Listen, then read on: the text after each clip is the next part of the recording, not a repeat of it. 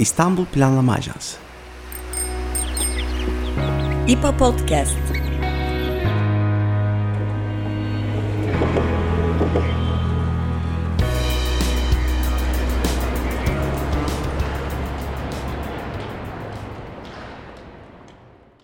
Merhaba. İstanbul Planlama Ajansı tarafından hazırlanan İPA Podcast'a hoş geldiniz. Ben Berkan Özyer. Ben Elif Yıldız Kızılca. Bugün özel bir serinin ilk bölümüyle karşınızdayız. Bildiğiniz üzere bu sene Cumhuriyetimizin 100. yılı. Öncelikle Cumhuriyet'in 100. yılını e, kutluyoruz. E, İstanbul Planlama Ajansı olarak Türkiye ve İstanbul üzerine dert ettiğimiz, üzerine çalıştığımız birçok konu var. E, ve hiç kuşkusuz ki planlama bu konu arasında en, en merkezde olan konulardan biri. Bu vesileyle e, uzun yıllar bu alana büyük emekler vermiş bir isim ile Ankara Üniversitesi'nden Profesör Doktor Ruşen Keleş ile Türkiye'de ve İstanbul'da planlamayı 100 yıllık bir perspektifle konuşuyoruz. Hoş geldiniz. Hoş geldiniz hocam. Hoş bulduk efendim. İlk soru olarak biraz daha geniş çerçeveden genel bir giriş yapmak adına, e, yani çok geniş bir soru olduğunu da farkındayız ancak nerede olduğumuzu bu e, planlama macerasının yolculuğunu biraz daha e, böyle görmek yerinde olacaktır diye tahmin ediyoruz. Dolayısıyla Türkiye'de planlama dendiğinde nerede ve nasıl, hangi planla, e, nasıl bir e, yaklaşımla başladığını evvelinli bir e, koşullarıyla birlikte sizden duymayı çok isteriz. Sağ olun. Ben böyle bir önemli toplantıda bana da e, söz söyleme imkanı verdiğiniz için sizlere ve İstanbul Planlama Ajansı temsilci arkadaşlarımıza çok teşekkür ediyorum. Ee, çok önemli bir iş yapıyorsunuz. Yani Türkiye'de planlama denildiğinde hangi planla nereden başlamışızdır sorusuna yanıt verirken şu aklımıza geliyor ilk olarak. Cumhuriyet'in kuruluşundan sonra özellikle 1929 ve daha sonrasında bir dünya ekonomik bunalımı ortaya çıkmıştır. Türkiye'de bundan geniş ölçüde etkilenmiştir ve Cumhuriyet'in kuruluşundan 10-15 yıl sonra bu, bu dünya ekonomik bunalımının e, etkilerinden daha fazla olumsuz yönde etkilenmemek için Türkiye'de e, iktisadi yaşamı bir plana bağlama gündeme gelmiştir. Hatta bir 1960'tan yani Devlet Planlama Teşkilatı'nın kuruluşundan çok yıllar önce e, bir ulusal kalkınma planının hazırlanması gündeme gelmiş, tartışılmış fakat daha sonra ondan çeşitli nedenlerle vazgeçilmiştir. Plan biliyorsunuz her türlü kaynağın sınırlı olduğu durumlarda geleceği de dikkate almak suretiyle en rasyonel hareketin ne olması gerektiğini anlatır. Bu ülke çapında yapıldığı gibi bölgeler çapında yapılabilir ve bizi doğrudan doğruya çok yakından ilgilendiren kentler düzeyinde de yapılabilir. Bunların hepsinin daha sonraki yıllarda Türkiye'de bir takım adımlar atılmasına e, yol açtığını e, birazdan size sorularınıza göre anlatmaya çalışacağım. Cumhuriyet'in 100 yılını ve planlama bağlamında düşündüğümüzde e, tabii ki planlama alanında belli bir e, hakim olan planlama anlayışları var. Sizce bu 100 yıllık perspektifte en hakim olan planlama anlayışı ya da anlayışları nelerdi? Bir de zaman içerisinde nasıl bir değişim oldu? Evet, Türkiye'de yani bir planlamaya ihtiyaç öteden beri duyuldu. Bakın 1930'lardan itibaren. E, fakat 1900 özellikle 50-60 arasındaki e, dönem liberal politikaların uygulandığı bir dönem. Orada e, yaşanan bir takım zorluklar bir takım seslerin yükselmesine yol açmıştır. Türkiye iktisadiyatını planlı bir şekilde yönetmek zorundadır şeklinde ve bunun içindir ki 1950'li yılların sonunda bir askeri müdahaleyle siyasi iktidar değiştikten sonra kurulan hükümetlerin ilk attıkları adım ve hatta 1961 anayasası çıkmadan önce 1960 yılında Devlet Planlama Teşkilatı adını kurulan adı e, olan bir merkezi örgütün kurulması olmuştur. Biliyorsunuz Devlet Planlama Teşkilatı'nın kuruluş tarihi 1960'tır ve bu birkaç yıl öncesine kadar ayakta kalan. Ancak şunu hemen söyleyeyim ki Devlet Planlama Teşkilatı'nın 1960'ta kurulması onu izleyen dönemde 5 yıllık ulusal kalkınma planları hazırlanmıştır. Onlardan bir tanesi teknik nedenlerle 7 yıl için hazırlanmıştır. 11 kalkınma planı hazırlandı. Kalkınma planlarının her türlü planla olduğu gibi hazırlanması onların gerçek anlamda uygulanması ve onlardan beklenen yararların elde edilmesi anlamına gelmez. Çünkü bazen planlar yapılıp raflarda saklanabiliyor. Dönem dönem Türkiye'de de böyle olmuştur. İktisadi kalkınma planları, 5 yıllık planlar hazırlandığı halde uygulanmayan yönlerinin bazen ağır basmakta olduğu dikkat çekmiştir.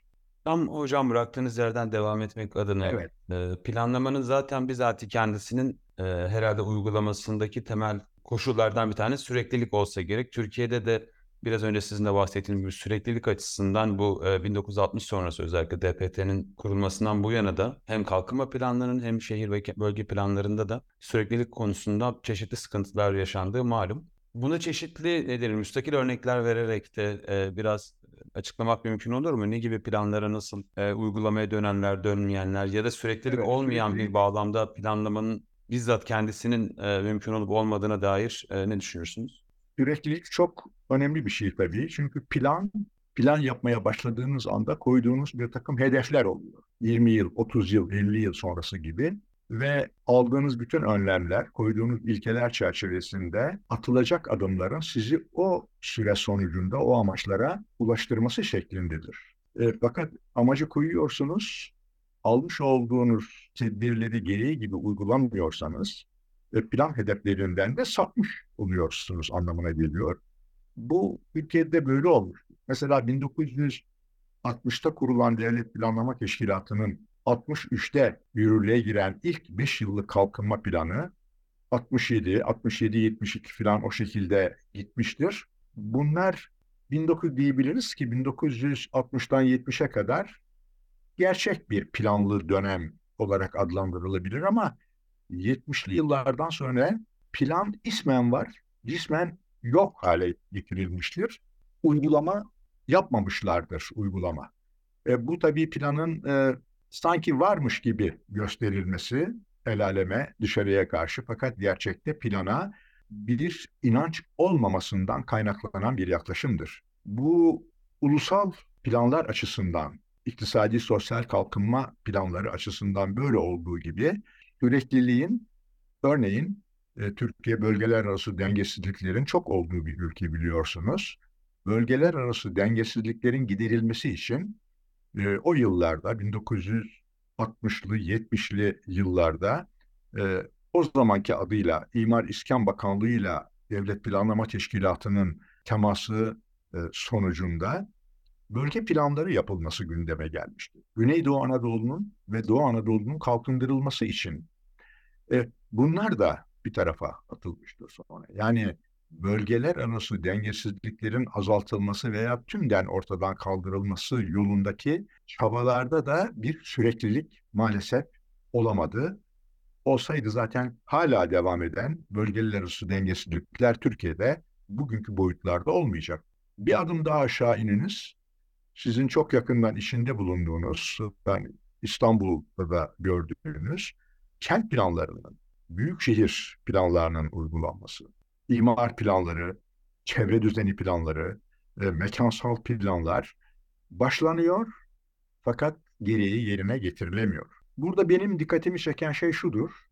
Neden acaba böyle oldu? Yani bu süreklilikten vazgeçmek genellikle siyasi otoritelerin dar anlamdaki partizan demek istemiyorum ama siyasal bir takım amaçlarla planları, oradaki ilkeleri göz ardı etmelerinden tabii böyle yaklaşımlar çok ağır basmıştır Türkiye'de. Öyle zamanlar olmuştur ki Türkiye'nin yönetimini kendilerine emanet ettiğimiz en yüksek düzeydeki siyasi kadroları temsil eden kimseler bize plan değil pilav lazımdır gibi sözler ifade etmişlerdir. Bunlar literatüre geçmiştir.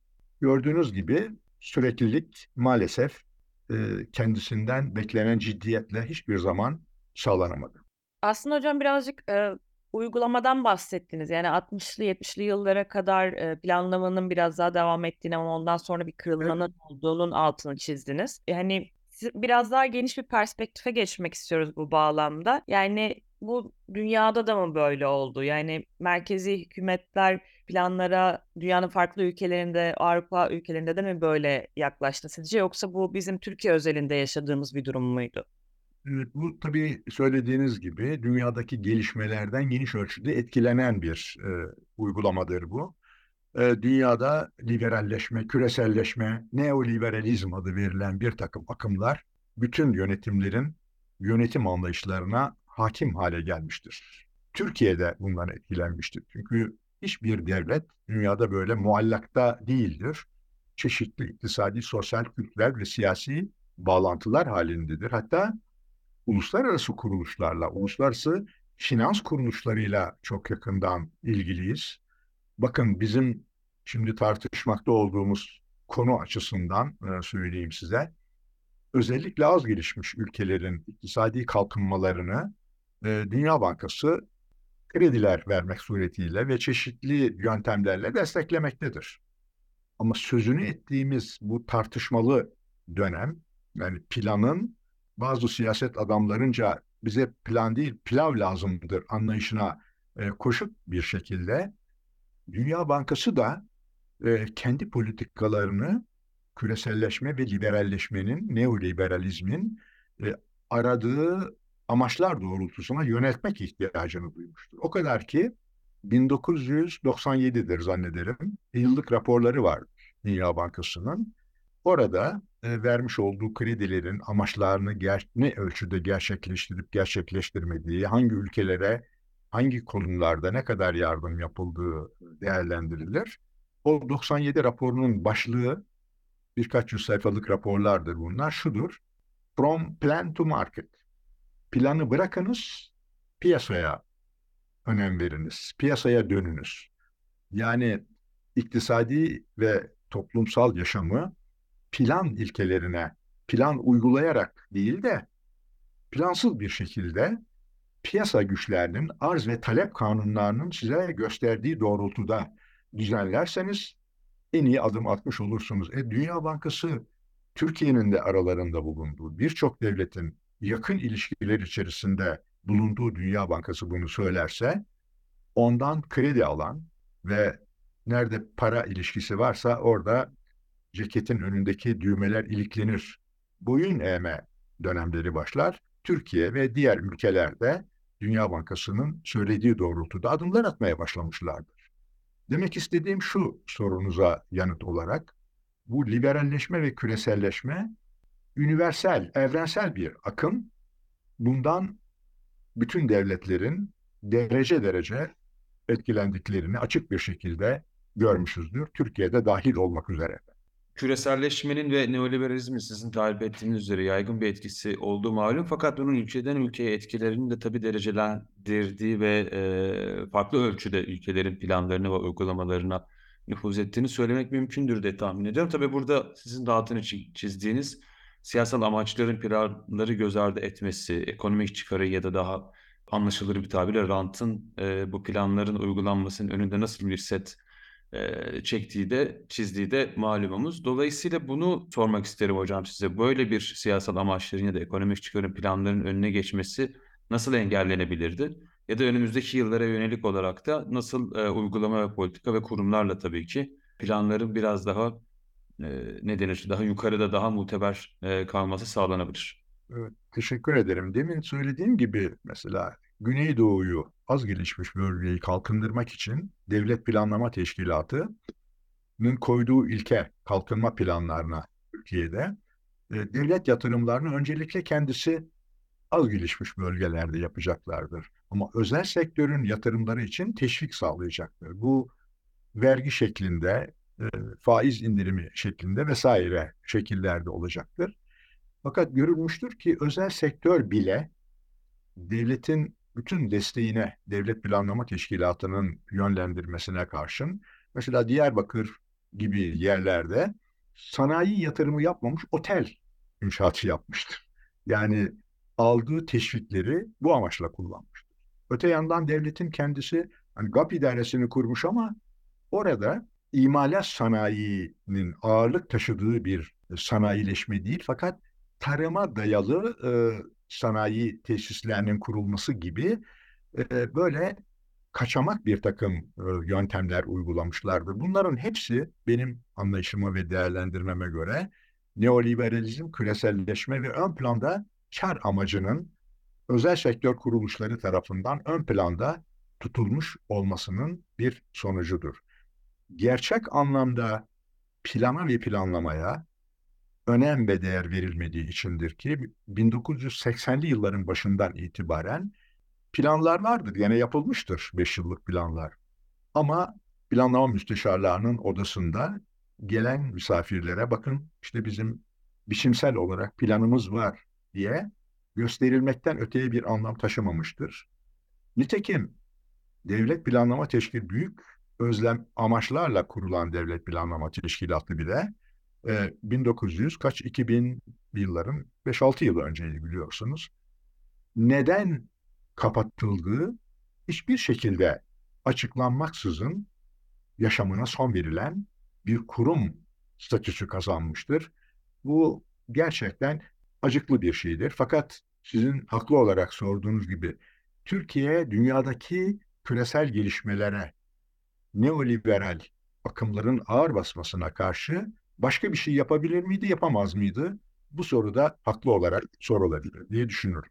Şimdi aslında hani planlardan bahsediyoruz uzun emekler verilerek e, hazırlanan planlardan ama bir noktada da her seferinde bir sıfırdan başlama durumuna da geçiliyor ve şehirler sürekli gelişiyor. Şimdi geldiğimiz noktada e, siz de aslında işte neoliberal politikalardan, küreselleşmeden, şehirlerin değişmesinden de bahsettiniz. Özellikle metropollerde şu an planlama ne kadar mümkün? Hani bu alanda e, doğayan bir plancı olarak hani kentlerin bu plansızlığına baktığınızda kişisel olarak ne hissediyorsunuz? Elif Hanım çok güzel ve güncel bir soru sordunuz. Bu soru aslında İstanbul'un nüfusunun çok hızla artmaya başladığı 1970'li yıllarda da dile getirilmiştir bir şekilde. Acaba İstanbul bu kadar büyümeli midir? Veya başka metropollerimiz, ana kentlerimiz bir dönem gene askeri müdahale dönemlerinden biriydi. Genelkurmay Başkanlığı İstanbul'un nüfusunun sınırlandırılması, İstanbul'a yeni göçlerin yavaşlatılması hatta durdurulması şeklinde öneriler yapmışlardır. Peki nereye gidecek? Gelince Sakarya, Kocaeli oralarda yığılacak. İstanbul'a gelmesi önlenecek. Ve mümkünse İstanbul'un nüfusu da merkezde değil fakat çeperlerde olacaktır. Bu kolay bir şey değil. Yani e, bir kere İstanbul gibi veya benzeri bir büyük e, metropolün hazırladığı planlar, ülkenin genel planlama anlayışıyla, yani ekonomik yatırımlar, sosyal gelişme gibi e, genel plandaki yaklaşımlarına e, ters olursa uygulama fırsatları sınırlandırılmış olur. E, objektif olarak bu böyledir. Fakat Türkiye'de dikkatimiz irken objektiflikten uzak, nesnel olmayan, sübjektif bir takım faktörlerin de bu konuda belediyelerin, metropollerin ve onları yönetenlerin, plancılarının, yöneticilerinin iyi niyetle atmak istedikleri adımlara siyasi ve partizanca amaçlarla engel olmalıdır. Bunun da bugün pek çok örneklerini gördüğümüz gibi İstanbul açısından e, çok olumsuz bir takım sonuçlar doğulduğunu ben bir bilim insanı olarak üzüntüyle seyrediyorum. E, ulaşımda olsun, başka konularda olsun ama planlama konusu olan her sektöre devletin olumsuz bir şekilde müdahale etmesi, yapmaması gerektikli, gerekenleri yapması, yapması gerekenleri yapmamasından İstanbul'un büyük zarar gördüğünü açık bir şekilde görüyorum.